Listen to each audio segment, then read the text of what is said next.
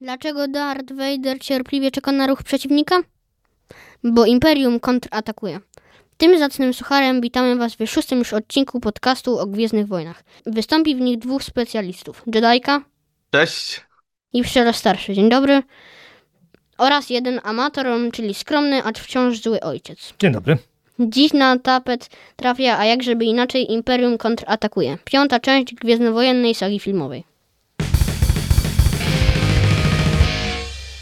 Witamy i tradycyjnie niech rozpocznie Jedajka.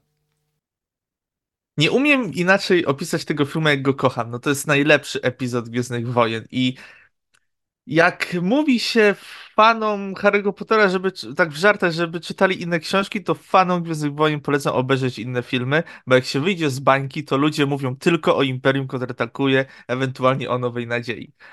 No, o powrocie Jedi to będziemy gadać w następnym odcinku. On też ma swoje wady jako film. Ale nie, Imperium, wow, to, to jest coś cudownego. Mogę oglądać, to jest chyba jedyny epizod, tak, jedyny epizod, który mogę oglądać, no nawet mi się nie powiem, że do znudzenia, bo ja go uwielbiam oglądać fragmentami, jak leci w telewizji, to zawsze usiądę. I na przykład, bo dużo ludzi mi to wytyka, dlaczego na przykład y, Ostatni Jedi jest u mnie na drugim miejscu, tylko pomiędzy Imperium kontratakuje, a Ostatnim Jedi w moim rankingu jest ogromna przepaść to Imperium Kontratakuje jest bardzo dobrym filmem, jak się wyjdzie właśnie z tej ba banieczki gwiezdnowojennej i ludzie po prostu uwielbiają ten film, no. Słynny cytat, nie, ja jestem twoim ojcem, pojedynek, walka na Hoth, Lando, muzyka Johna Williamsa, słynny motyw, czyli Marsz Imperialny. No, powiem tak, y, w 2020, gdy pozamykano kina, Disney zdecydował się też w Polsce wydać na 40-lecie seans ponowny Imperium kontratakuje. Jak byłem na tym, to czułem się, jakbym oglądał pierwszy raz ten film. W kinie naprawdę to robi wrażenie, jak się obejrzy. I chciałbym, żeby też zrobiono kiedyś w ogóle maraton kinowy, właśnie, gdy będą leciały kolejne trzecie Gwiezdne Wojny, bo to jest zupełnie inne przeżycie niż jak się ogląda przed telewizorem czy przed komputerem. I to czuć. Dobrze, no my oglądaliśmy przed e, komputerem, ale teraz Nie, nie, teraz, teraz ja też, teraz ja też. dziś tak chciałem, żeby trochę więcej pszczelarz e, się wypowiadał, bo to jednak jego też jeden z ulubionych odcinków, o ile nie ulubiony, więc proszę, pierwsze pytanie należy do młodzieńca. No to ja zacznę tak mniej więcej od ucieczki Luka. Dlaczego Luke nie dobił wampy i nie został w jaskini? Przecież tam jakieś resztki jedzenia by były i mógłby dłużej przetrwać niż wyjść, bo gdyby nie Han, to by przecież... To można było być też bardzo w charakterze Luka Skywalkera. Na przykład Mark Hamill w ogóle był przeciwny temu, żeby Luke odcinał rękę łampie. Stwierdził, że to jest poza jego charakterem i zranienie, żeby uciec tak, ale odciąć rękę nie wtedy. Więc chyba poszli na kompromis i nie dobili w końcu łampy, tylko Luke po prostu odciął rękę i uciekł. Ale ta scena też jest fajna, bo widać, że Luke jest jeszcze w, gorodzie, w gorącej wodzie kąpany. Próbuje chwytać ten miecz, stara się i dopiero właśnie w tej takim akcie, gdzie już wampa do niego podchodzi, udaje mu się uciec. Może Darth Vader zemścił się za to, że Luke odciął wampie rękę, to on odciął mu dłoń. W ogóle hi, cała, cała historia z odcinaniem rąk w no poza sequelami, bo tam nie było zbytnio okazji, chociaż Snoke'owi odcięli rękę w ostatnim Jedi, to, to fakt. Ale odcinanie rę, rąk w Gwiezdnych Wojnach to tradycja. Chyba w trzeciej części tyle podcinali, czy to właśnie Dooku, Mace'owi Windu, czy Anakenowi, to no, Zemsta Sithów jest chyba rekordzistą w tym. Ja z kolei teraz mam pytanko odnośnie właśnie tej sceny z wampą, bo gdzieś spotkałem się z informacjami, że ona tak naprawdę powstała tylko i wyłącznie dlatego, że Mark Hamill miał wypadek i chcieli uzasadnić, czemu jego twarz odrobinę inaczej wygląda. To też mogło być właśnie pod, bo jak omawialiśmy właśnie e, Holiday Special, to tam Luke już, nasi Mark Hamill był też mocno już e, zmake-upowany bardzo, że się świecił i tu, i tu też widać w Imperium właśnie w tej scenie, gdy wyszedł z tego zbiornika z baktą, że są jeszcze te świeże blizny.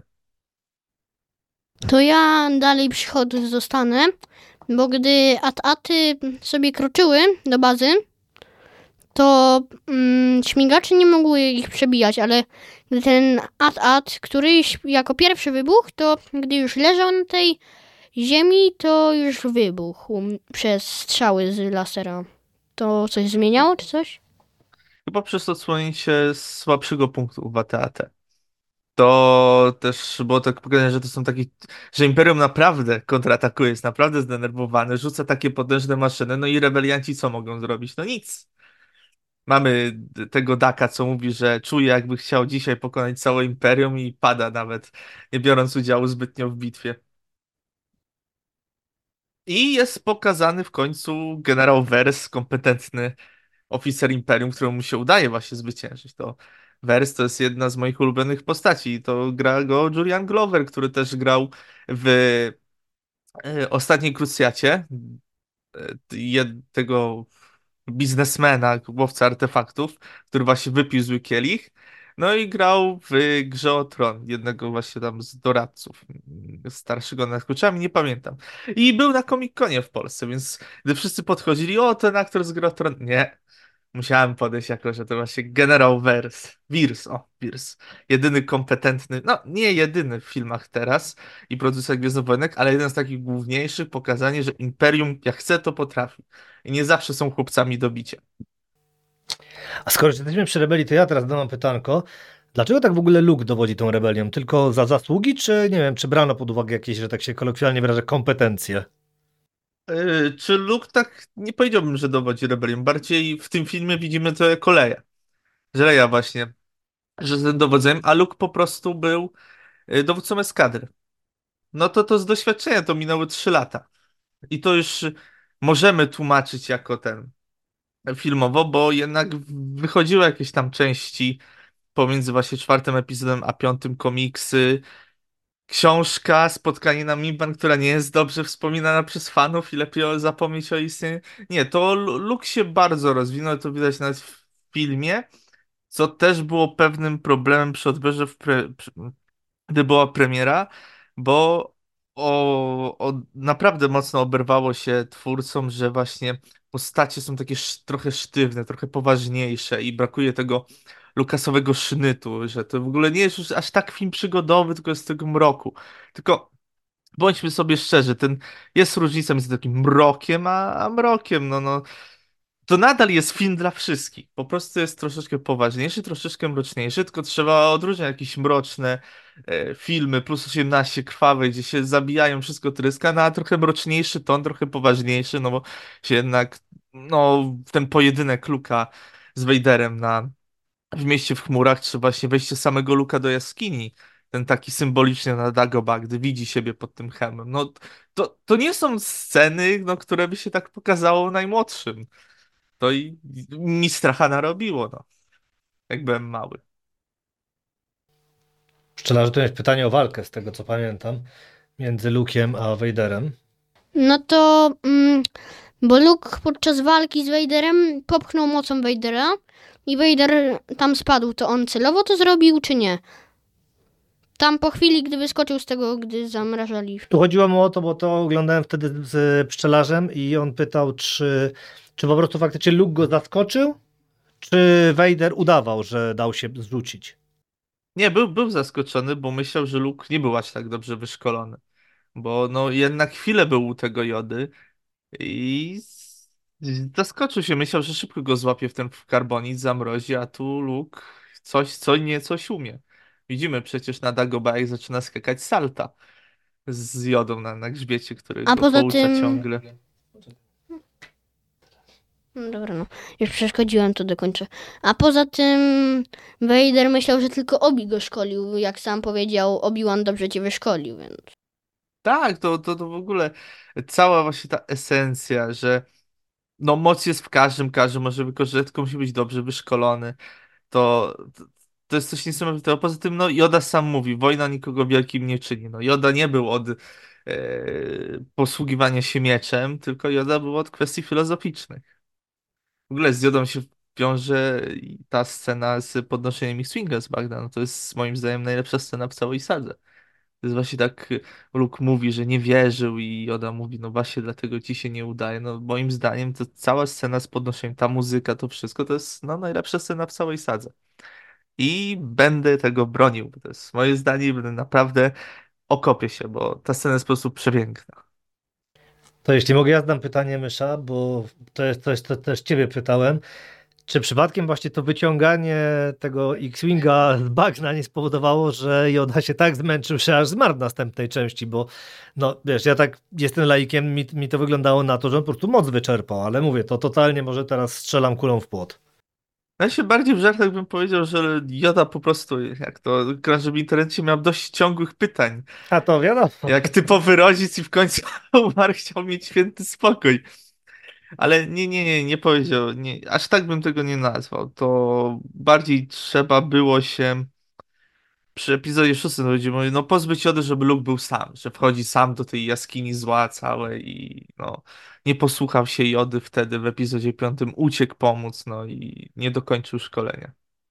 No ale chodziło mi o to, czyli że mimo, że to był jakiś taki wielki wysiłek, to de facto nie zużywał jakoś mocy, no bo ona nie ma tam jakichś ograniczeń, to nie jest jak w grach, że tam mana się zużywa, nie, tylko... Nie, nie, to właśnie z, tak to powiem, z RPGowanie Gwiezdnych Wojen, że każdy musi mieć jakiś poziom midichlorianów, skilla czy coś, nie. Ta scena była moim pokazaniem tego, co moc potrafi.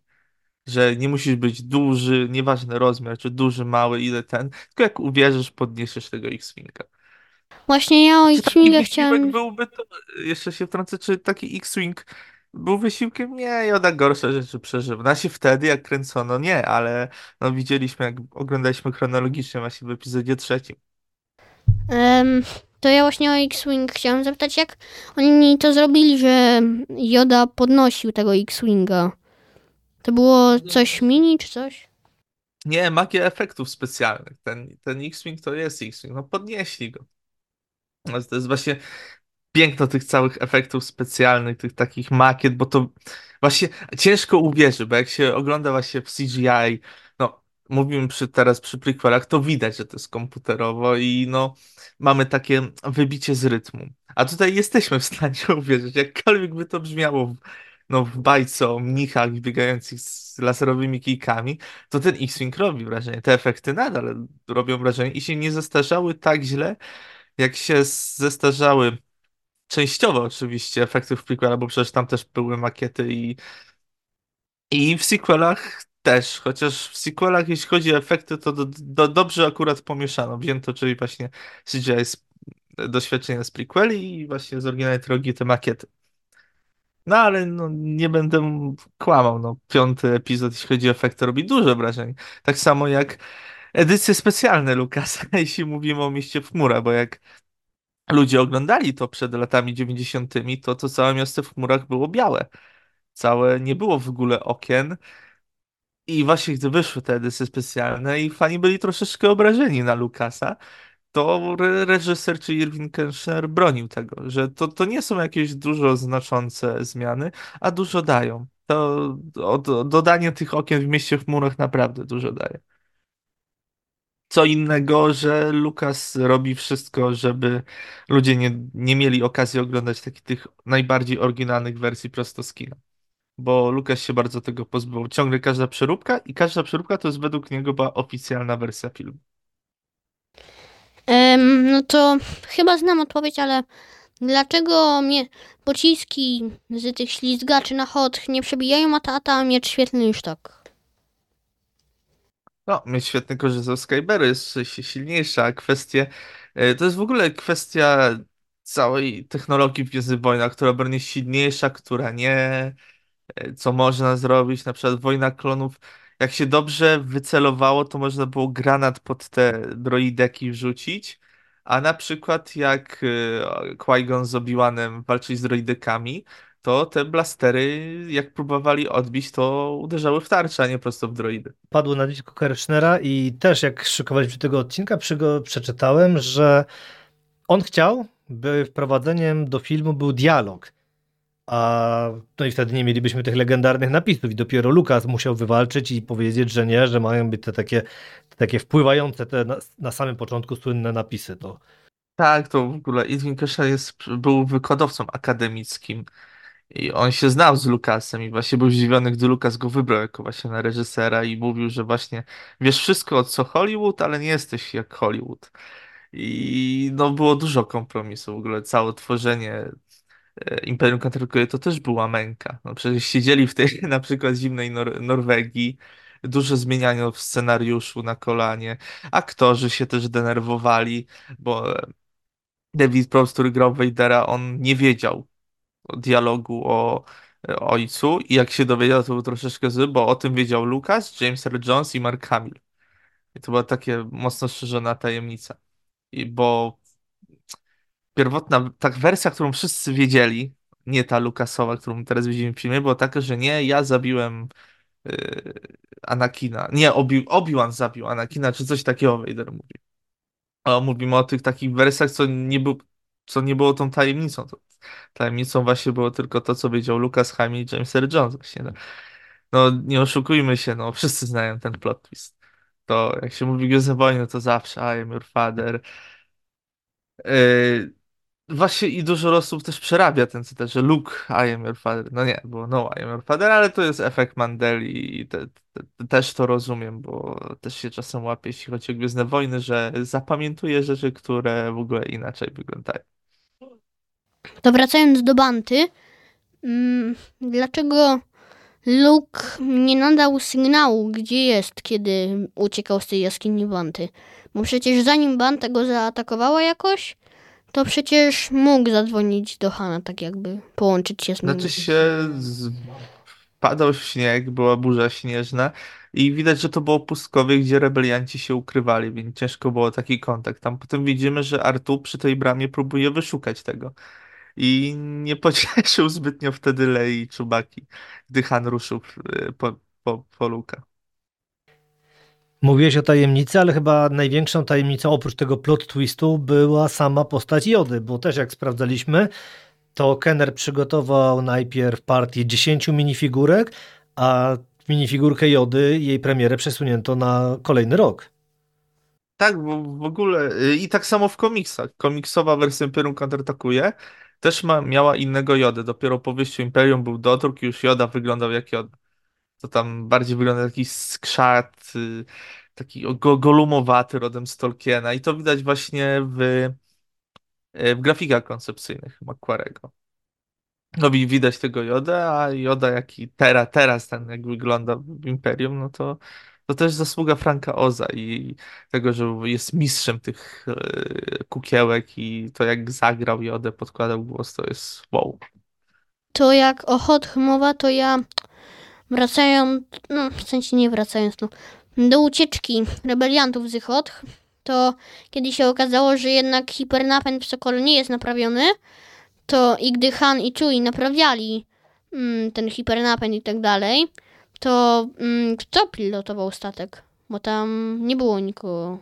Nie widziałem. Znaczy też bardziej działał na antypilocie i Han wybiegł. Znaczy ja to tak interpretuję. Han na chwilę wybiegł, żeby zobaczyć, co tam się dzieje. I, a jako, że lecieli w porę asteroid, tak, bo wtedy skrzynka spadła na Hana i nie wiedzieli, nie wiedzieli, co się dzieje, to myśleli, że są bezpieczni, no ale nie, cały czas tyłu mieli za sobą Imperium. To z kolei jeszcze ja mam jedno pytanie.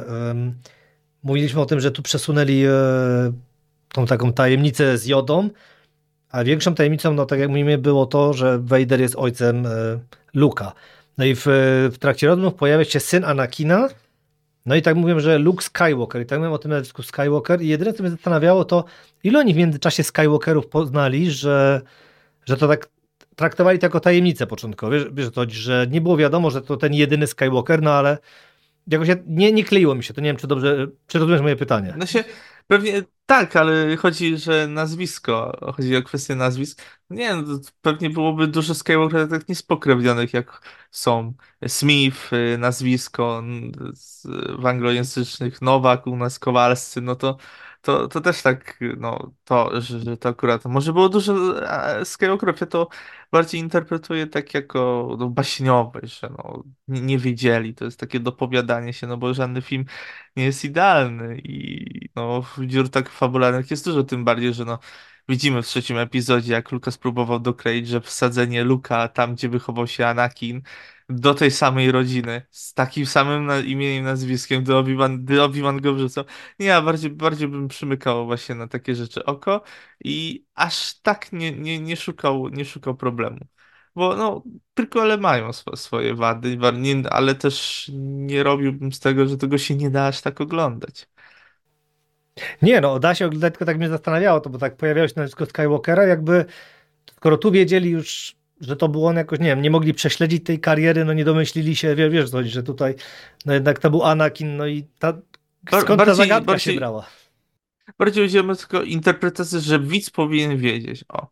To jest to jedna z wad właśnie Gwiezdnych Wojen, że dużo twórców, że, że widz powinien to wiedzieć, mimo że to nie jest no, wytłumaczone, pokazane i no niektórzy twórcy Wojen, nie tylko filmów i seriali, ale też książek uważają, że coś pan wiedział wcześniej i powinien pamiętać o tym, bo powinien na przykład czytać jakiś komiks albo jakąś notkę w encyklopedii. Okej, okay, rozumiem. Mm, no to jak mówiliśmy o walce Luka i Vadera, to co by było, gdyby Luke nie wyskoczył z tamtego karbonitu? Jak bardzo historia by się zmieniła? Znaczy, mielibyśmy bardzo szybki, skrócone przejście do finału powrotu Jedi, bo po prostu to było dorwanie Luka i przetransportowanie go do Imperatora. No tak, i, I jeszcze w międzyczasie gadka, że no razem pokonamy Imperatora i bla bla bla. No właśnie, nie wiadomo, czy wtedy by była, no nie, ta rozmowa. To po prostu chodziło o przekabacenie Luka na ciemną stronę. W sensie nie wiadomo, no bo niektórzy inni uczniowie też się swoim mistrzom sprzeciwiali, tak samo jak um, Palpa temu, Plegiusowi. Tak, bo, ale co do też pytania, to jest też seria komiksów Infinities, z, nawet należy to do starego kanonu, w sensie to nie jest stary kanon, tylko właśnie z czasu, gdy wychodził u Dark, Dark Horse'a i to jest pokazane właśnie alternatywne rzeczy i tam było co by było, gdyby Luke e, zginął na Hoth wtedy, to Leia była szkolona. Leia była wtedy szkolona, Vader przybył na Dagoba i tam walczył i odkrył, że o, mam córkę. Ale to, to, to, tak swoją drogą. To tak samo w grze The Force Unleashed jest pokazane, co by było, gdyby tam Vader zginął i ten tajemny uczeń Vadera był na Hoth jako na miejscu Vadera i pokonał właśnie Luka i go przyciągnął na ciemną stronę mocy. O, no to ciekawa opcja, ale od razu mi się nasunęło takie pytanie, e, gdy Joda mówił, że tam jest jeszcze jedna, prawda, osoba, która może tam dokonać tego wszystkiego, to czy on już miał na myśli Leję, czy nie wiem, czy przypadkiem to już była nie. jakaś furtka? właśnie, właśnie nie, to jest y, jedna właśnie z takich dowodów, że żadne wojny nie były planowane i ten scenariusz się zmienia, zmieniał się ciągle w trakcie kręcenia, bo też była wersja, że siostra Luka, że chodziło o siostrę Luka, tylko nie o Leję. Nie chcieli zrobić wtedy z, z Lei siostry Luka, tylko na, nawet nie pamiętam imienia, bo to są straszne, straszne wycinki, te takie od, fra, fragmenty powstawania Imperium kontratakuje, więc nie jest to aż tak dobrze zapisane. I do pomysłodawca zmarł wtedy, e, to Lukas stwierdził, dobra, robimy, nasi wtedy nie wiadomo, nie, że, że chodzi o oleje, ale wtedy ta, ta linia dialogowa została po, porzucona, że chodzi akurat o tą tajemną siostrę Luka, gdzie by była, pojawiła się już w tym epizodzie, tylko to przeniesiono jako oleje. A, okej, okay, dzięki. Jak Czubaka wydaje ten swój ryk? Komputerowo to robili, aktor to robił, czy jak? Nie, to, to, to jest kwestia. Nasie aktor. Hmm. Za wszystkie dźwięki odpowiada, odpowiadała jedna osoba w Lucasfilmie i nie pamiętam, czy to właśnie był część przerobiona słonia. Musiałbym sobie przypomnieć i sobie skorzystam ze ściągi, ale nie umiem, nie umiem, wiem, że to było przesterowane, przesterowane dźwięki zwierząt, ale nie jestem w stanie sobie przypomnieć, których konkretnie. Możliwe, że to był słoń? To coś takiego, słoń, goryl, coś, coś, coś mniej więcej takiego. Albo w ogóle wszystkich zwierząt zmieszanych i przesterowanych. Nie, nie, nie, nie, nie, nie, nie chcę, nie chcę skorzystać sobie ze ściągi tak, żeby szukać w internecie po prostu. Wiem, że robił to Bill, Bill Bird, gość odpowiedzialny za, za wszystkie dźwięki w Gwiezdnych Wojnach kultowe, który nadal dużo wkłada do uniwersum i od, odpowiada się za no, wszelakie te kultowe dźwięki właśnie, czy to Miedź Świetny, czy TIE Fighter, czy no właśnie Czubaka, czy, czy Artu. Więc nie mogę sobie przypomnieć, ale wiem, że to były mi z, przesterowane zwierzęta. Czy to mógł być słonik goryl? To jest, to jest dobre, to dobre pytanie. To na razie Hmm. zostawmy to w spokoju. Ja chciałem z kolei spytać o coś innego, bo podobno to w tej części mieli ujawnić, e, że Leia jest siostrą Luka. Że to przenieśli No też właśnie- w ostatniej chwili w scenariuszu. No tak, to jest właśnie ten efekt ten tajemnej siostry Luka, że gdy właśnie porzucono ten pomysł, to chcieli właśnie zrobić, Lukas chciał zrobić to na Leję, no ale też miałoby się to zakończyć jako cliffhangerem. I właśnie Lawrence Kasdan, który odpowiada właśnie za scenariusz, czy Irvin Keshe, no wpadli na taki pomysł, że żeby, zro żeby zrobić taką zarzutkę, to się chyba sequel hook nazywa, i żeby to było wyjaśnione w epizodzie szóstym. Okej. mm, bo ja tak przeskoczę do Bespina. mm, W miast, mieście w humorach. Jak bardzo Vader by mógł zmienić umowę? Vader mógł w sumie wszystko. Naprawdę, Vader mógł wszystko, tym bardziej, że no, co to jest dla Imperium jakaś planetka, która wydobywa gaz Tibane. Takich jest wiele na, w całej galaktyce i mógł, to, to, że Vader mu w ogóle pozwolił, że mógł sobie, że Imperium nie zostawiło aż tak tu garnizonu, no potem dowiadujemy się w, i w legendach i w kanonie, że no Imperium się trochę rozpanoszyło, bo przecież uciekł wtedy Lando z nimi.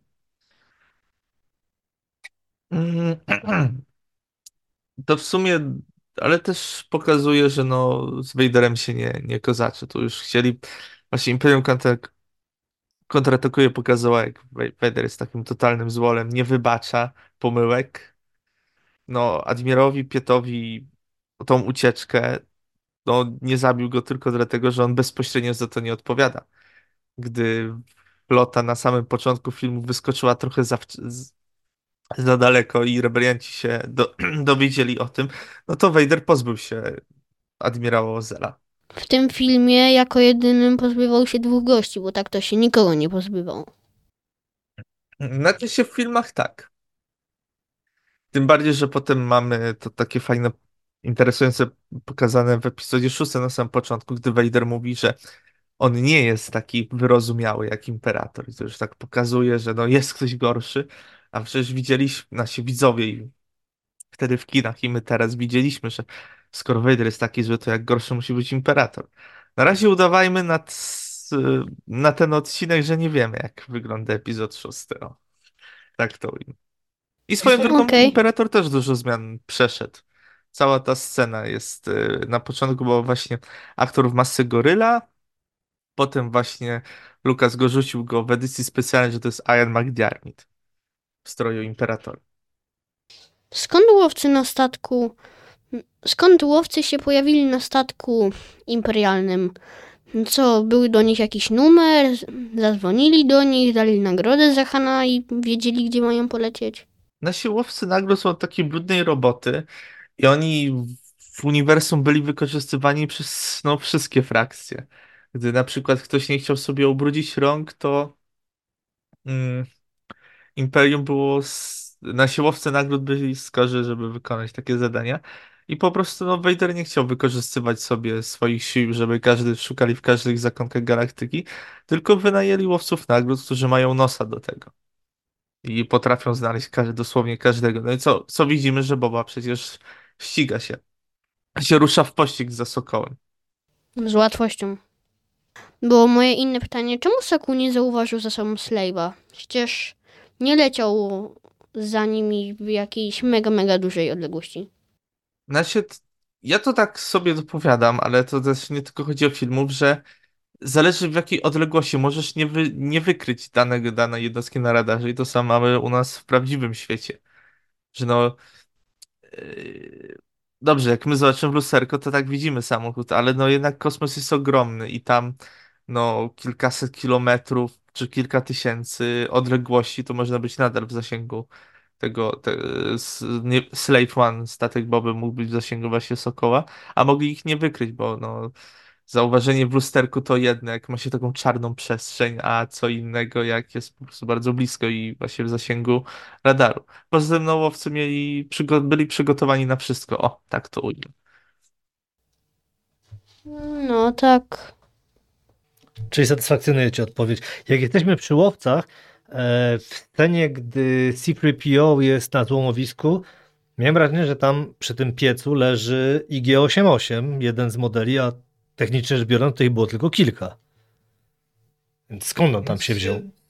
Próbowano wykorzystywać. Nie pamiętam w ogóle, czy, czy jest jakaś historia. Po prostu, no, Gwiezdne Wojny też nie szalały sobie z budżetem i po prostu korzystano e, ze, ze wszystkiego, tak, e, z dostępnych materiałów. No nie, bo pytam, bo wiesz, bo później w tych, tych opowieściach łowców nagród to było, że tam kilka sztuk tylko wyprodukowali, a tu tak, jeden ściga, drugi leży e, na złomowisku akurat w tym jednym miejscu, to my tak pytanie, że tak Tak, tak, tych IG-888 trochę było.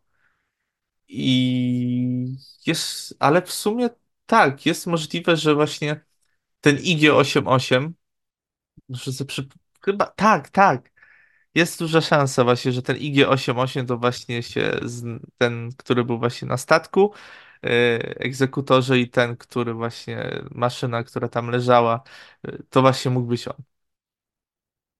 Dlaczego po zamrożeniu Hana w karbonicie mm, nie zabili Lei i Czujego? Bo tam tata mi dopowiadał, że dlatego, że nie było pewności, czy złapią Luka, ale może jest za tym jakieś drugie dno, czy coś. To, to, też był, to też y, jest jeden z powodów, tym bardziej, że no Leia jest przywódczynią, jedną z przywódczyń właśnie sojuszu i ona tym dowodziła. Jakby z Hanem nie wyszło, to jednak złapanie ważnej osobistości sojuszu rebeliantów, tym bardziej przyjaciółkę Luka, jeszcze wtedy, bo no, wtedy jeszcze nie mieli takiego pomysłu, żeby nie pokazano nam, że to jest właśnie siostra Luka, też by zadziałało. A Chewie? O, to jest też dobre pytanie. No, przyjaciel Hana, ochroniarz. Znaczy, czy Luke by skoczył za Chewiem? Pewnie filmowo też w ogień, ale no, bardziej Leia im była też potrzebna. Okej. I tym bardziej, że Leia właśnie jest zasobem ważnych informacji o lokalizacji floty, gdzie, gdzie uciekła, jak się rozproszyła, o osobach, które na przykład finansowa, finansują rebelię. To taki zakładnik byłby i pokazanie właśnie, że Imperium jest w stanie sprzedać kogoś takiego, byłby ważny dla, dla propagandy imperialnej. Mm, bo tak mnie to zawsze męczy, bo niby Harrison Ford nie lubi swojej postaci Hanna Solo i tak dalej, ale zawsze mnie to pytanie dręczy, czy Harrison Ford dobrze się bawił podczas nagrywania Gwiezdnych Wojen?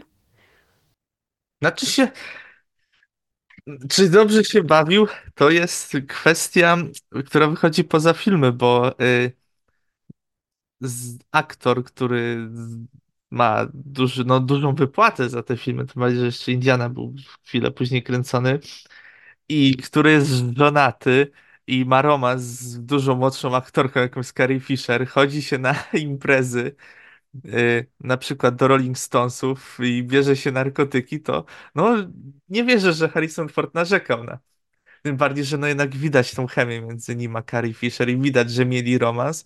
I w scenie, gdy właśnie przylatują do miasta w chmurach i to da się zauważyć, że są totalnie pijani jeszcze i ich trzyma po tej imprezie z Rolling Stonesami.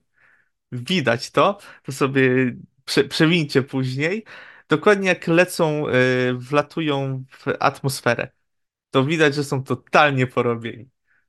Ale jak to widać, po rysach czy co? nie po ich twarzach, już po zachowaniu. Znaczy, oni dużo, dużo pili wtedy, no wyzwać Rolling Stonesów na picie, to tym bardziej, że no to są lata 80., to oni naprawdę musieli być twardzi. I następnego dnia masz y, zagrać w filmie, no tym bardziej, że to było w wynajmowanym domu, gdzie uczęszczali Stonesi. Al tak, to chyba tak. Chyba tak było. Znaczy, jest, są zdjęcia z tej imprezy. Bodajże jeden aktor właśnie z Monty Pythona był. I to było jego mieszkanie. Ale nie umiem sobie, przy... nie umiem sobie przypomnieć to totalnie.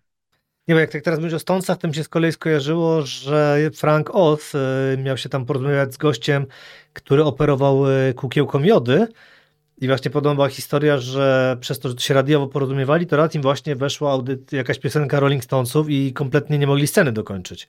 To też tak gdzieś spotkałem się z takimi pogłoskami. Mm, to, to jest możliwe, ja aż tak się y, nie, nie zagłębiam w kwestie techniczne, jeśli chodzi o filmy, bardziej właśnie w takie lorowe, to kwestie filozoficzne, jak Lukas że patrzył, to mniej właśnie siedzę w takich technicznych rzeczach, ale też jeśli chodzi o właśnie techniczne rzeczy, to kwestie castingowe są ciekawe, bo na specjalną prośbę Irwina Kreschnera y, wysoko postawieni oficerowie imperialni grali Brytyjczycy, a niżsi stopniem i rebelianci to byli Amerykanie. I to też chciano pokazać właśnie tą Lukasową wizję walki ze złym imperializmem, ta rewolucja, przecież y, z walki właśnie z, ze złym Imperium Brytyjskim, to Lukas lubił sobie wplatać swoją właśnie niechęć do całych tych wielkich i nie tylko korporacji, co widzimy właśnie w prequelach i dążenie właśnie tam rosnącym się paszyzmie, ale też Lukas dawał też popalić, czy to właśnie Imperium Brytyjskiemu, czy potem Amerykanom w powrocie Jedi. Jak im dawał popalić, zapytam za miesiąc mniej więcej. Um, a teraz chciałem zapytać, ile lat miał Harrison Ford? No tak z ciekawości. Bo gdy on był w Przebudzeniu Mocy, to już było widać, że tam wiekowy. Znaczy Harrison Ford był najstarszy z całej trójki, bo był już doświadczony, brał udział właśnie z Lucasem przy amerykańskim graffiti, zanim go z, yy, wziął właśnie casting do yy, Nowej Nadziei. Mógł być po 30 w Imperium Kontratakuję. Nie wiem, czy 35, czy 33, coś takiego. Jeśli premiera była w 80, to będzie koło 38 miał, bo tak pozwoliłem sobie podejrzeć teraz na szybko. A, tym bardziej, że jest chyba 10 do 15 lat młodszy od Shona Connerego, który właśnie grał ojca Indiany e, w ostatniej krucjacie. No, Harrison Ford starzeje się jak wino. To, to, to widać, że no, wie, wiek to tylko liczba w jego przypadku. Znaczy, z wyglądu, bo z charakteru jak na, no, nie jest bardzo miły wobec fanów Gwiezdnych Wojen. To tak łagodnie rzecz e, ujmując. Ale chyba dla nikogo nie jest już obecnie zbyt miły. Chyba nie, ale widziałem, że ma dobrą chemię z Ryanem Goslingiem przy kręceniu Blade drugiej części Łowca Androidów. To widać, A, to... że się dobrze na tym bawi. Przy tak, całych materiałach. Brian, to... czy ty jesteś Brian, tak? Także udawał, że nie pamięta imienia. Też kojarzę taki wywiad z nim, że faktycznie tak, się, i, że. I widać, że, że Harrison Ford umie, umie się dobrze bawić na planie i ten właśnie cały marketing w, drugim, w drugiej części Blade Runnera, no więc zobaczyć wesołego Harrisona Forda chyba też się dobrze bawił, jak teraz kręcono e, Kapitana Ameryki i właśnie nowego Indiana Jonesa. Więc to nie jest tak, że Harrison Ford nie lubi Gwiezdnych no bo dali mu dobrą zapłatę. Po prostu fani, którzy go ciągle męczyli pytaniami i człowiek nie wie, on po prostu dla niego to jest czysta robota. Są aktorzy uniwersum Gwiezdnych Wojen, gdzie no, zagłębiałem się, są wielkimi fanami, ale dla Harrisona Forda była to tylko praca. Tym bardziej, że no nie skończył jako o, to ten gość od Hanna Solo. Jest też gościem od Indiana Jonesa, jest prezydentem Stanów Zjednoczonych, jest Jackiem Ryanem e, z serii właśnie Toma Clancy'ego, więc nie, nie, nie, skoń, nie trafił do, do jednej szufladki. No, co innego właśnie z Markiem Hamillem i Carrie Fisher, którzy się inaczej rozwijali i, i, i inaczej ich kariera poszła. Ale Harrison Ford tak, chciał mieć dość już tych Gwiezdnych Wojen, chciał iść dalej, to najpierw chciał uśmiercenia właśnie w piątym epizodzie, że no ten karbonit nie wyszedł, zamrożenie, no a potem w szóstej części. Też chciał, żeby go za, jego postać zabito, no i nie wyszło, miał dobre zakończenie, no i się w siódmej części udało, ale pieniążki najwidoczniej Disney dobrze, dobrze szastał, że w dziewiątej części jako wizja Be Bena Solo też się pojawił Han Solo. No tak. No, nie oszukujmy się, pieniążki nie śmierdzą. Jak duże wytwórnie sypną milionami, to Harrison Ford nie powie nie. Tym bardziej, że no, zgodził się zagrać Indiana Jonesa w piątej części po tym, no, co zrobił o kryształowej czaszki. Gdzie no, film został mocno zjechany w recenzjach. No, mi też się zbytnio nie podobał. Wolałem, gdy walczył z Niemcami jednak. To lepiej wyglądało. No, na się, jak już tak od, odstajemy od Wojen, to lubię ostatnią Krucjatę. To jednak taka najfajniejsza przygoda. Ludzie bardzo lubią poszukiwaczy, mi się, ja się bardziej, lepiej bawiłem właśnie na ostatniej Krucjacie. No, mm, właśnie ostatnia Krucjata.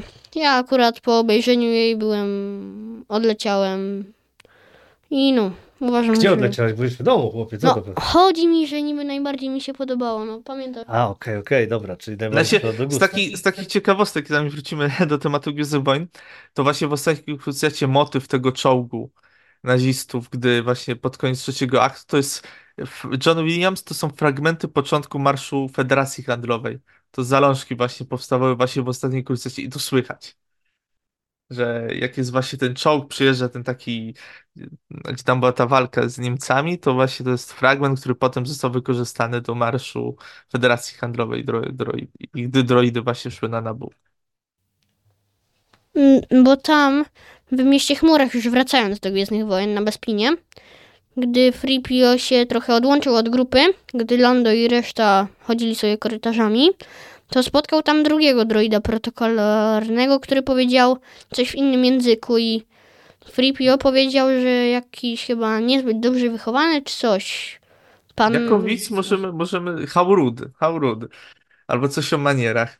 To ja bym to bardziej, żeby widz sobie zinterpretował. To bardziej te wyjaśnienia w książkach czy coś nie. To po prostu pokazane, że Cyprio sobie gdzieś poszedł, zobaczył droida, o swoi, bo no nie oszukujmy się, Cyprio jest chodzącym gagiem. On ma rozśmieszyć widza, on ma to znieść to całe napięcie.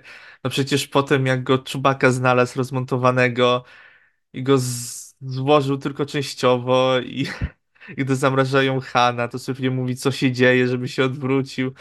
Albo w ogóle jak y, du, Chewbacca potem dusił Lando i też tam Syfio coś mówi, potem go Artu zaczął składać. No nie oszukujmy się, Syfio jest dla gagów. Że to Artu jest właśnie tym takim mózgiem, a go, żeby dobijał wszystkich, że to już koniec świata, że to już koniec nas, zginiemy. Gdzie na przykład pocieszał Leję, jakie są szanse na znalezienie Luka No i bardzo Hana. pocieszał, bardzo. No, to, to Cyprio nie ma taktu. o. Co jest dziwne, jako na druida protokolarnego, no, który tłumaczy i który no, działa jako właśnie taki służebniczy robot. Mówiłeś już o castingu, o doborze ról. Możesz mi powiedzieć, e, co wpłynęło na to, że no na przykład Billy D. Williams został Lando, a nie był Hanem i tak, bo tam dość dużo takich rotacji było i przymiarek do ról. Tak, to w ogóle cała kwestia Landa, jak nasz casting jest super. Billy D. Williams jest po prostu mega i widać, że cały czas ma tą ikrę, co widzieliśmy właśnie w dziewiątym epizodzie. Yy, kwestia Landa co do castingu, to tak bardziej bym interpretował. Mm, znaczy, no, dostał się na casting, ale w ogóle postać Landa jest y, bardziej bym powiedział dziwna z tego powodu, że przeszła dużo zmian w scenariuszu jako Lando. Miał być weteranem wojennym z wojen klonów, potem miał być szalonym klonem, jakoby właśnie ten dowód tych wojen klonów, że te klony były szalone. No a potem skończył jako właśnie prezes, właściciel, który wygrał w Sabaka, właściciel kopalni yy, gazu Tibana. No dobrze, ale chodzi mi o aktorów, wiesz, którzy się zmieniali, A. no bo czy, czy to było dużo, bo tamten bodajże Jafet Koto, o ile się nie mylę, też miał być, ale bał się, że Lando umrze. No sam, sam mówię, Billy D miał być Hanem, e, Hanem też miał być momentami, mówiono Kurt Russell i tak. Chodzi mi o to, czemu tak e, ten dobór trwał długo? Hmm. W sum- w sumie nie jestem, nie jestem w stanie od, odpowiedzieć na to pytanie, tak szczerze. Jako, jako Lando. Hmm. Z tego co Nie, widzę, nie. tatusiu, to mi podobrałeś o jabłchecie koto. A właśnie, bo, no bo tak rozmawialiśmy, tak mi się coś wydawało, to widzisz, to przepraszam, to nie chciałem ci ukraść pytania, bo Już trudno. no, w końcu zły ojciec, dobrze, no wiadomo już dlaczego. To może kwestia... Znaczy się, znaczy No. się y, to tak wracając, nie oszukuj mi się, tak sta, sta, starto, startował Duchano, no. Tym bardziej, że no, to były lata 70., 80., no to też to jest bardzo drażliwy temat, żeby postawić y, aktora, no nie oszukujmy się, o innym kolorze skóry jako no, protagonistę. Tym bardziej, że grał Martera Luthera Kingu chyba, no, bo to był aktor y, właśnie broadwayowy, teatralny i dopiero właśnie ten rola La- Lando była taka przełomowa, bo potem Billy Dee Williams pojawił się jako Harvey Dent, jako właśnie ten prokurator w Batmanie. Tak, to, Dla- to sam dla niego pamiętam. gwiazd- Dlatego Gwiezdne Wojny to było taka od trampolina, że to już nie tylko jest właśnie granie w teatrze, granie w musicalach, tylko już takie no role, wow. Tym bardziej, że no fajnie zagrał Harvey'a Denta, no ale to Bartonowskie Batmany uważam, że są najlepsze, no. Nolanowskie też, ale no, a to tak odskoczę- od- odskocząc od Gwiezdnych Wojen, no castingi w Gwiezdnych Wojnach są dobre. To, że są zmarnowane, że się bierze bardzo z dobrych aktorów znanych i każe im się mówić drewniane teksty, to co innego. Ale jeśli chodzi o casting, że o, to jest ten aktor, fajnie, dobrze zagrał, albo nie tyle zagrał, bo też dialogi, ale dobrze o, wygląda na przykład w stroju, w pancerzu, w szatach. No, na przykład y, po, powiedzmy sobie Liam Neeson, no, w tej brodzi, w tych długich włosach jako Qui-Gon, tym bardziej, że no, grał, z reguły gra w krótszych włosach. Widzi- Widzieliśmy go właśnie w latach 90. To w ogóle kwestie, kwestie castingowe w to w ogóle też jest temat, na przykład też na inny odcinek, bo dużo zmieniano aktorów, dużo walczyło o te role. A co do też y, Billy'ego T. Williamsa, Lucas chciał mieć swojego, w sensie swojego aktora, a z Harrisonem Fordem miał właśnie doświadczenie przy amerykańskim graffiti i potrzebował też kogoś, się straszyło z doświadczeniem, który by prowadził za rączkę właśnie, no, nieznajomego aktora Marka Hamila i początkującą aktorkę Carrie Fisher. Więc to też nie tylko takie, no, wrażliwe kwestie, ale też, że no, Lu Lukas chciał się czuć bezpiecznie, o, mając sw swojego człowieka, o, na planie. Bo jeśli dobrze kojarzę, to chyba właśnie Billy the Williams grał chyba dwie twarze w którymś Batmanie. Tak, właśnie Har Harvey'a Denta, prokuratora w Batmanie Bartona. A, no tak. Po prostu nie, nigdy nie pamiętam, jak się dwie twarze nazywał, zanim były dwoma twarzami. Tak, Tak, to, to, to nie było Boston Gov, tylko jako prokurator wtedy. I to było takie puszczenie oczka fanom. jakieś pytania pszczelarzu, czy spróbujemy teraz wrzucić dryf Jedajki, żeby sam opowiedział, jak w ogóle jego przygoda z Imperium kontratakuje wyglądała i Mi pasuje. no to słuchamy, jak to się w ogóle wszystko zaczęło z tym, z tym Imperium i dlaczego to jest tak ważny dla ciebie film. Śmiało. No, muzyka, efekty specjalne, aktorzy, to może się naprawdę dużo, dużo mógłbym o tym mówić, ale te sceny, kwestie mocy z jodą, z jodą, to całe tłumaczenie mocy, bo wojna wielkim nikogo nie czyni, że moc nas otacza, to co zrobiono potem w prequelach z kaczącym jodem i z Jedi, którzy prowadzą tam własne wojsko, to co, co innego, ale że nie musisz być tam kimś, y, y, żeby mieć moc, że wystarczy uwierzyć, w ogóle jako taki mądry mistrz, jako tak nie tylko od machania mieczem, jak Obi-Wan, bo przecież Obi-Wan odpowiadał za kwestie też szermiercze, a nie tylko filozoficzne. Yoda to już była taka czysta filozofia. Y, Ale to nie jest tak na przykład, że pojedynek Luka z Vaderem, pomimo, że to jest mój ulubiony epizod, nie jest moim ulubionym pojedynkiem. To mój ulubiony pojedynek to jest właśnie finał w Powrocie Jedi. I to też jest, można to e, przenieść i na czynniki pierwsze, w ogóle rozmontować cały ten pojedynek, te kwestie filozoficzne, że tu luk na ciemną stronę, ale też pokazuje, jako Gwiezdnowojny film w ogóle pokazać, że no, dobrzy nie wygrali tego. Po prostu ledwo uszli z życiem po całym pojedynku. i moje poglądy na Imperium Katakoy zmieniały się. To nie było tak, że od razu był tak moim ulubionym epizodem, w sensie takim najwyżej ocenianym, nadal był tam w czołówce na pierwszym miejscu, ale jak człowiek zaczyna oglądać inne filmy i wraca do tych Gwiezdnych Wojen, to te Gwiezdne Wojny, niektóre epizody się tak dobrze nie starzeją i widać to, że no, jest różnica na przykład, ale to nie jest tak, że wymagam, żeby ludzie oglądali jakieś, nie wiem, 12-godzinne filmy mołdawskie czy francuskie jakieś dramaty, żeby, żeby o, bo lubi Imperium Kontratakuje, żeby zrozumieć. Nie, po prostu ja uważam, że Imperium Kontratakuje jest bardzo dobrym filmem w ogóle, no, moim ulubionym, ale też jak właśnie stanie się z boku, to jest ulubiony epizod.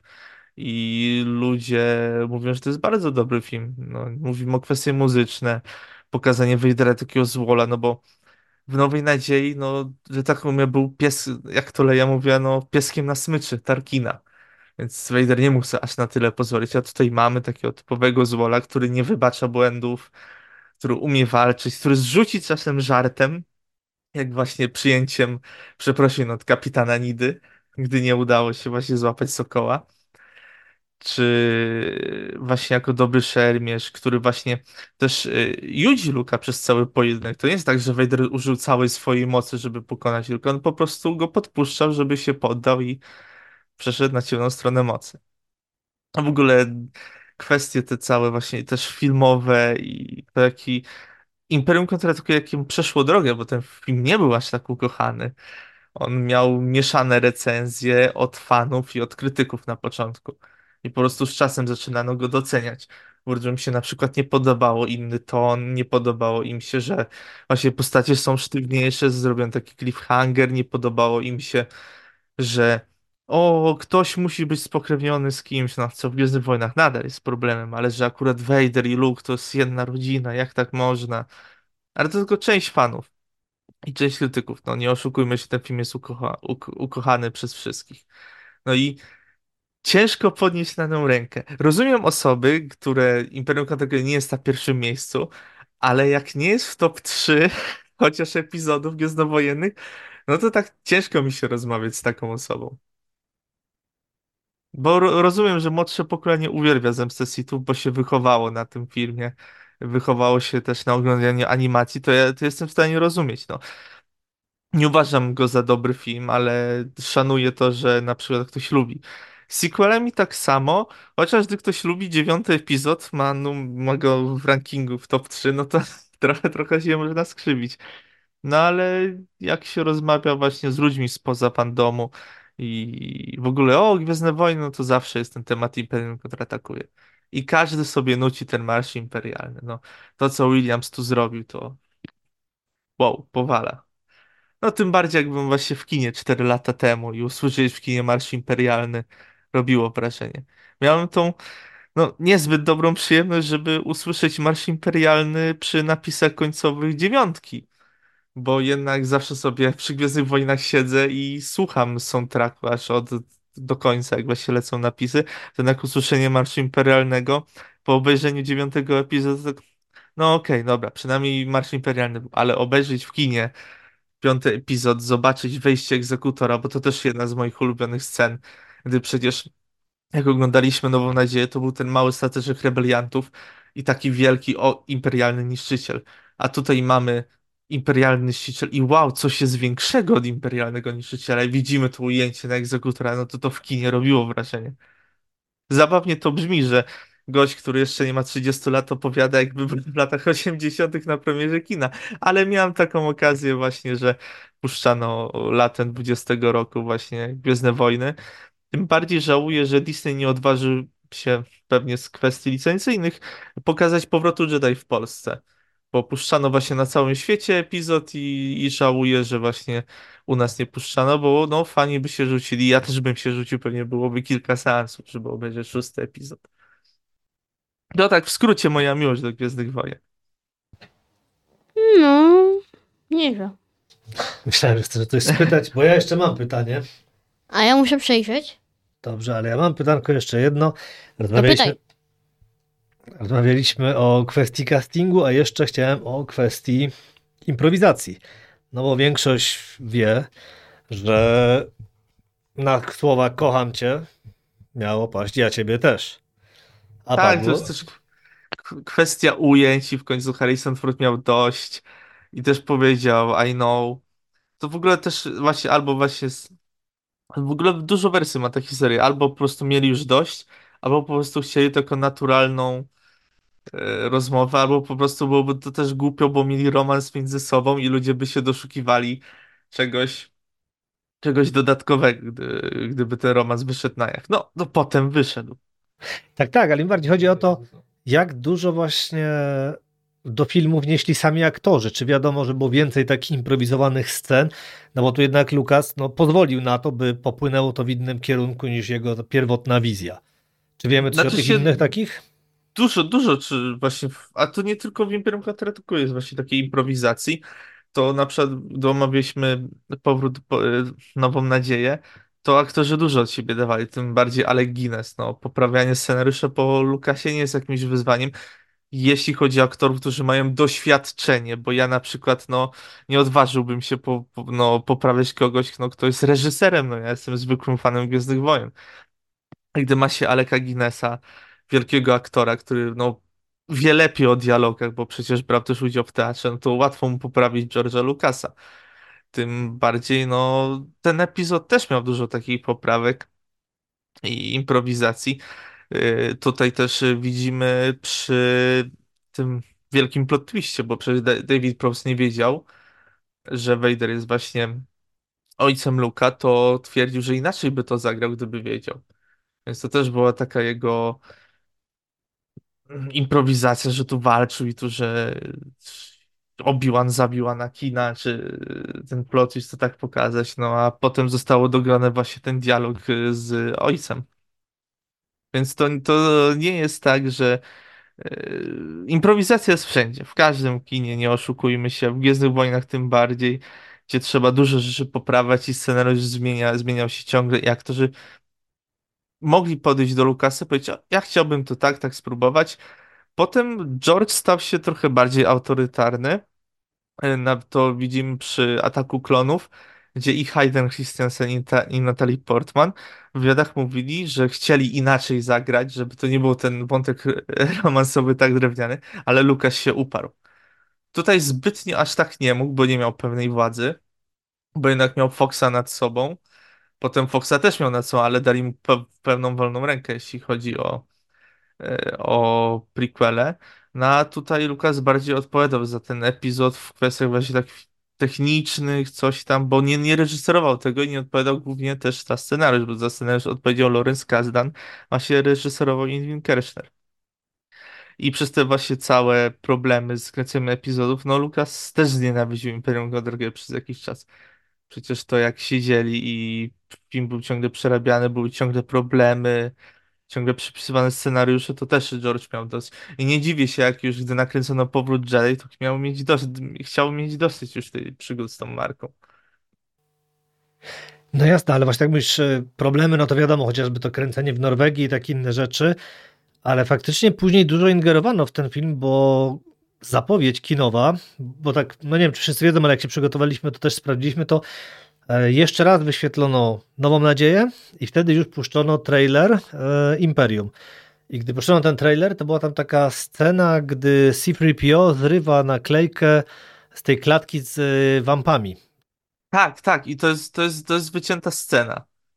To, to, to, to, to jest wycięta scena, ale to dużo rzeczy nie trafiało do finalnej wersji filmu w Gwiezdnych Wojnach, jeśli chodzi o zwiastun to wszystkim polecam obejrzeć zwiastun Łotra pierwszego, bo on wychodził bardzo wcześnie, a film kończono w październiku kręcić. Scenę Vaderem, bo właśnie ta słynna na korytarzu była w październiku kręcona i na przykład pierwszy teaser Łotra, gdy bohaterowie tam biegną prosto na AT, jedną z wersji AT&T, tego też nie było w filmie, więc Bardziej twierdziłbym to, że po prostu chcieli pokazać kwestie marketingowe, bo jednak ten film trochę kręcono wtedy i potem po prostu przy montażu powiedzieli, no dobra, ta scena z, z naklejką nie pasuje, może jest trochę za głupia, może trochę za brutalna, no bo to jednak wciągnięcie szturmowców przez lampę i odgłosy i sobie ucieka jakby nigdy nic, to może było troszeczkę za mocne dla, no nie oszukujmy się, filmu familijnego. No, pewnie tak było, tylko właśnie tak jestem ciekaw, czy na przykład można gdzieś obejrzeć e, e, wersję ze wszystkimi tymi scenami, które wycięto, bo no, było ich sporo, jak sam mówisz. Krą krążą w internecie po prostu właśnie cząstkowo, pewnie są jacyś mega fani, którzy by wszystko to skleili, tylko no, wycięte sceny są po coś wycięte, że albo nie pan y, psują tempo filmu, albo po prostu czasem, jak to George w prequelach, najlepsze dialogi wycięte sceny wyrzucał ze swoich filmów. No właśnie, to, to mi chodzi, właśnie... że miał taki zwyczaj, tak jak już to nam kilkukrotnie tu powiedziałeś, stąd moje pytanie, czy może ktoś się podjął tego, ale no rozumiem, że mówisz, że może było. Są, tak. są fani, którzy robią swoje edycje Gwiezdnych Wojen, na przykład jest taka The Specialized Edition, gdzie twórca robi Gwiezdne Wojny, jakby wyszły teraz w kinie. W sensie czyste premiery, kinowe premiery, tylko odświeżone no, graficznie, żeby nie było tych właśnie mm, grudek, czy wyciąga tak czysto kinowo, bez edycji specjalnych, jakbyśmy my oglądali teraz filmy bez edycji specjalnych, tylko no właśnie odświeżone, żeby jakoś cieszyły oko. Pszczelarze, jakieś pytanie? Bo tak widzę, że się zapatrzyłeś. Um, tak, bo jak o Bespin chodzi, to wtedy, gdy Lando niby tak jakby dał sygnał temu swojemu jednemu z żołnierzy i przyszli i złapali szturmowców, to czemu szturmowcy nie nadali jakiegoś komunikatu przez um, no nie da, nie nadali jakiegoś komunikatu przez komunikator jakiś czy coś w hełmach? To, to, to była szybka akcja z wezwaniem właśnie pomocy.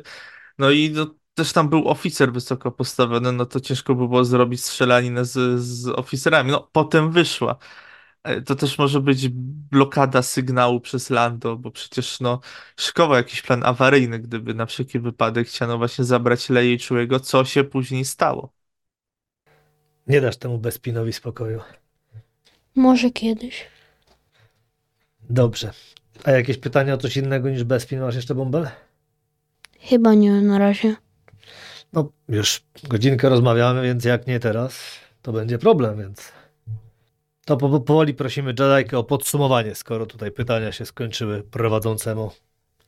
Mi się podobał epizod. No, ja oceniam go, jak prowadzimy to rozmowę, to na razie jest numerem jeden i u mnie się to nie zmieni. Nie wiem jak u was, jak wam się, jak wam się podoba właśnie Imperium Kadrako i gdzie go na razie umieścicie. Przelażu to ty jako tutaj specjalista. U mnie jest no raczej na dwójce. Jedynka, powrót Jedi, dwójka, Imperium chyba. Tak mi się wydaje. Dobrze, no, no mów dalej. Najbardziej z Imperium lubię sceny z Jodą. Jego no, gry słowne. Rób albo nie rób, nie ma próbowania. W ogóle właśnie pokazanie Jody jakiego takiego odludka szalonego i potem jak już Luke ogarnął, że to jest wielki mistrz, to Joda spoważniał. Na razie, na razie chciał, no trochę sobie pożartował z Luka. To w, w, komiksach, w, w komiksach też jest taka śmieszna scena, gdzie Joda, Joda coś tam mówi, a Luke czy to mówisz, to, czy ja tylko tak stoję, bo ten, sprawia ci to przyjemność? I Oda powiedział, hm, hm, hm, chyba, chyba tak. Coś takiego był fragment właśnie komiksu właśnie dotyczący Iberkontrakuje, tylko z tych właśnie nowszych. Może kiedyś znajdę albo nie, ale właśnie sceny, kiedy Joda do niego przyszedł i od niego odchodził i machał tą latarką, chodź, chodź, to były przepiękne. Po prostu one mnie nigdy nie przestaną bawić. No i cały pojedynek z Artuditu o jedzenie. Tak. Rzuca się na niego z raską. To jest, to jest dopiero pojed najlepszy pojedynek w Gwiezdnych Wojnach. Tym bardziej, że wiemy przez uniwersum i materiały, że oni się dobrze znają. Tak, właściwie to, Ale to tak był komiks. No Artu Ditu z Jodą. Joda z Artu no tak. W Wojnach Klonów mają przygodę wspólną też. Może kiedyś obejrzę. Pan pamięta w którym sezonie, czy... W, w szóstym. To o, był ja szósty, cię... to jest ten nie, niedokończony sezon, gdzie właśnie Joda odkrywa drogę do nieśmiertelności przez Qui-Gona. To jeszcze przede mną długo, bo ja niedawno zacząłem trzeci sezon. To do, to najlepszy przed tobą. No, szkoła, szkoła uniemożliwia po prostu permanentne no. oglądanie, ale niedługo ferie, więc może nadgonisz. To się pochwalimy, że też nie wiem, czy to już będzie po publikacji, od, chyba nie, przed publikacją byłaś tego odcinka, odwiedzimy Wejherowo, ale nie chcę zdradzać dlaczego. bo wiemy, że jest tam postać, która powinna znaleźć się też w jednej z tych rozmów. To ja, Ale- ja już wiem. Już Tak, wiem, ty wiesz, nie chcę zdradzić pszczelarzowi, jeszcze nie mówiłem, więc tak. Ale kto? Zobaczysz niedługo, nie To, to psujmy ci chyba, niespodzianki. żeby, żeby nie psuć, zależy od pogody. O, Tak, tak, dlatego teraz no, zależy od pogody. nagrywamy to jeszcze wiadomo w styczniu, a prawda, No. w luty będzie dopiero publikacja odcinka, więc myślę, że jeszcze załapiemy się na ten śnieg.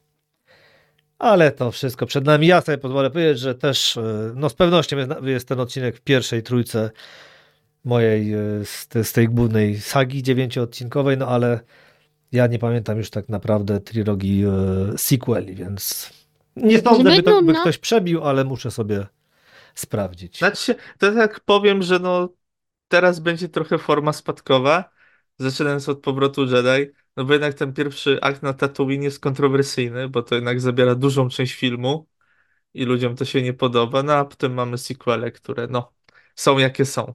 Jedne lepsze, drugie gorsze, a o trzecim lepiej nie mówić.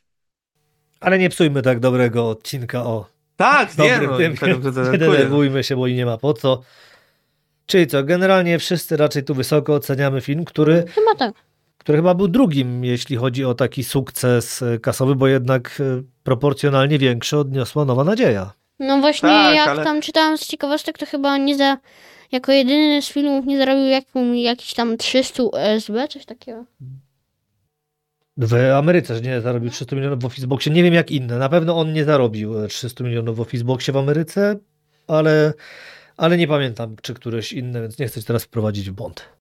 Ale to też y, bierzmy przy, pod, poprawkę po to, że jednak Nowa Nadzieja była przemowa, jeśli chodzi też o efekty specjalne i ludzie chcieli to zobaczyć też na własne oczy. No dla nas to trochę trąci myszką, jak się ogląda, no ale wtedy to było wow. Tym bardziej, że Lucas miał potem problemy, bo y, ILM, ci właśnie od ludzi od efektów specjalnych, to po prostu miał być jeden strzał Lucasa i tyle na Nową Nadzieję i duża część właśnie ekipy poszła kręcić efekty do Battlestar Galactiki. I Lukas musiał jakoś to sformułować, właśnie te efekty specjalne i ciężko, by, ciężko tak trochę przebić nową nadzieję, jeśli chodzi o takie wow.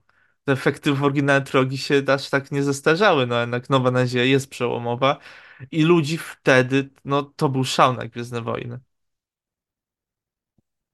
Okej. ten szał do dzisiaj trochę trwa, bo no nie oszukujmy się, ale no nie spotkalibyśmy się, gdyby tego szału nie było i widzimy tu kolejne pokolenie już ogląda i zaraża starszych, bo to ja pamiętam, że właśnie powrót starszych, bo mnie, ty mówię, mnie zarażasz, bo ja to jednak, I zarażam brata. no i młodszych też, no ale ja pamiętam, że no te, nie wiem, ćwierć wieku temu, czy nie wiem, 30 lat temu, gdy oglądałem powrót Jedi, to on do mnie faktycznie najmniej trafił, nie będę oszukiwał i dlatego sam jestem ciekaw, jak ten seans sprawdzi mi się po latach. Ja czekam szczerze mówiąc na ten powrót Jedi nawet bardziej niż na Imperium kontratakuje. Czemu? No właśnie to powiedziałem, bo jestem sam ciekaw, jak, jak go teraz odbiorę. Na pewno trzeba zarezerwować pół godziny na, na finał Gwiezdnych, na ostatni pojedynek, bo trochę będzie gadania. To, to całe y, omawianie tego i jak to dzisiaj jest to omawiane właśnie przez Filoniego na przykład, który właśnie odpowiada teraz za animację, czy teraz jest dyrektorem kreatywnym w Lucasfilmie, to cały ten pojedynek, całe to, co Luke zrobił, ale to już jak będziemy omawiać, to nadal jest wykładnią tego, czym są Gwiezdne Wojny. I tym pozytywnym akcentem i pytaniem, czym są Gwiezdne Wojny, kończmy, chyba że jeszcze masz coś do dodania. Nie, nie. To bardzo wszystkim dziękuję, pszczelarzu, Bye bye. Dodajko. Cześć. Dziękuję wszystkim. Niech moc będzie z wami. Dokładnie, moc będzie z wami.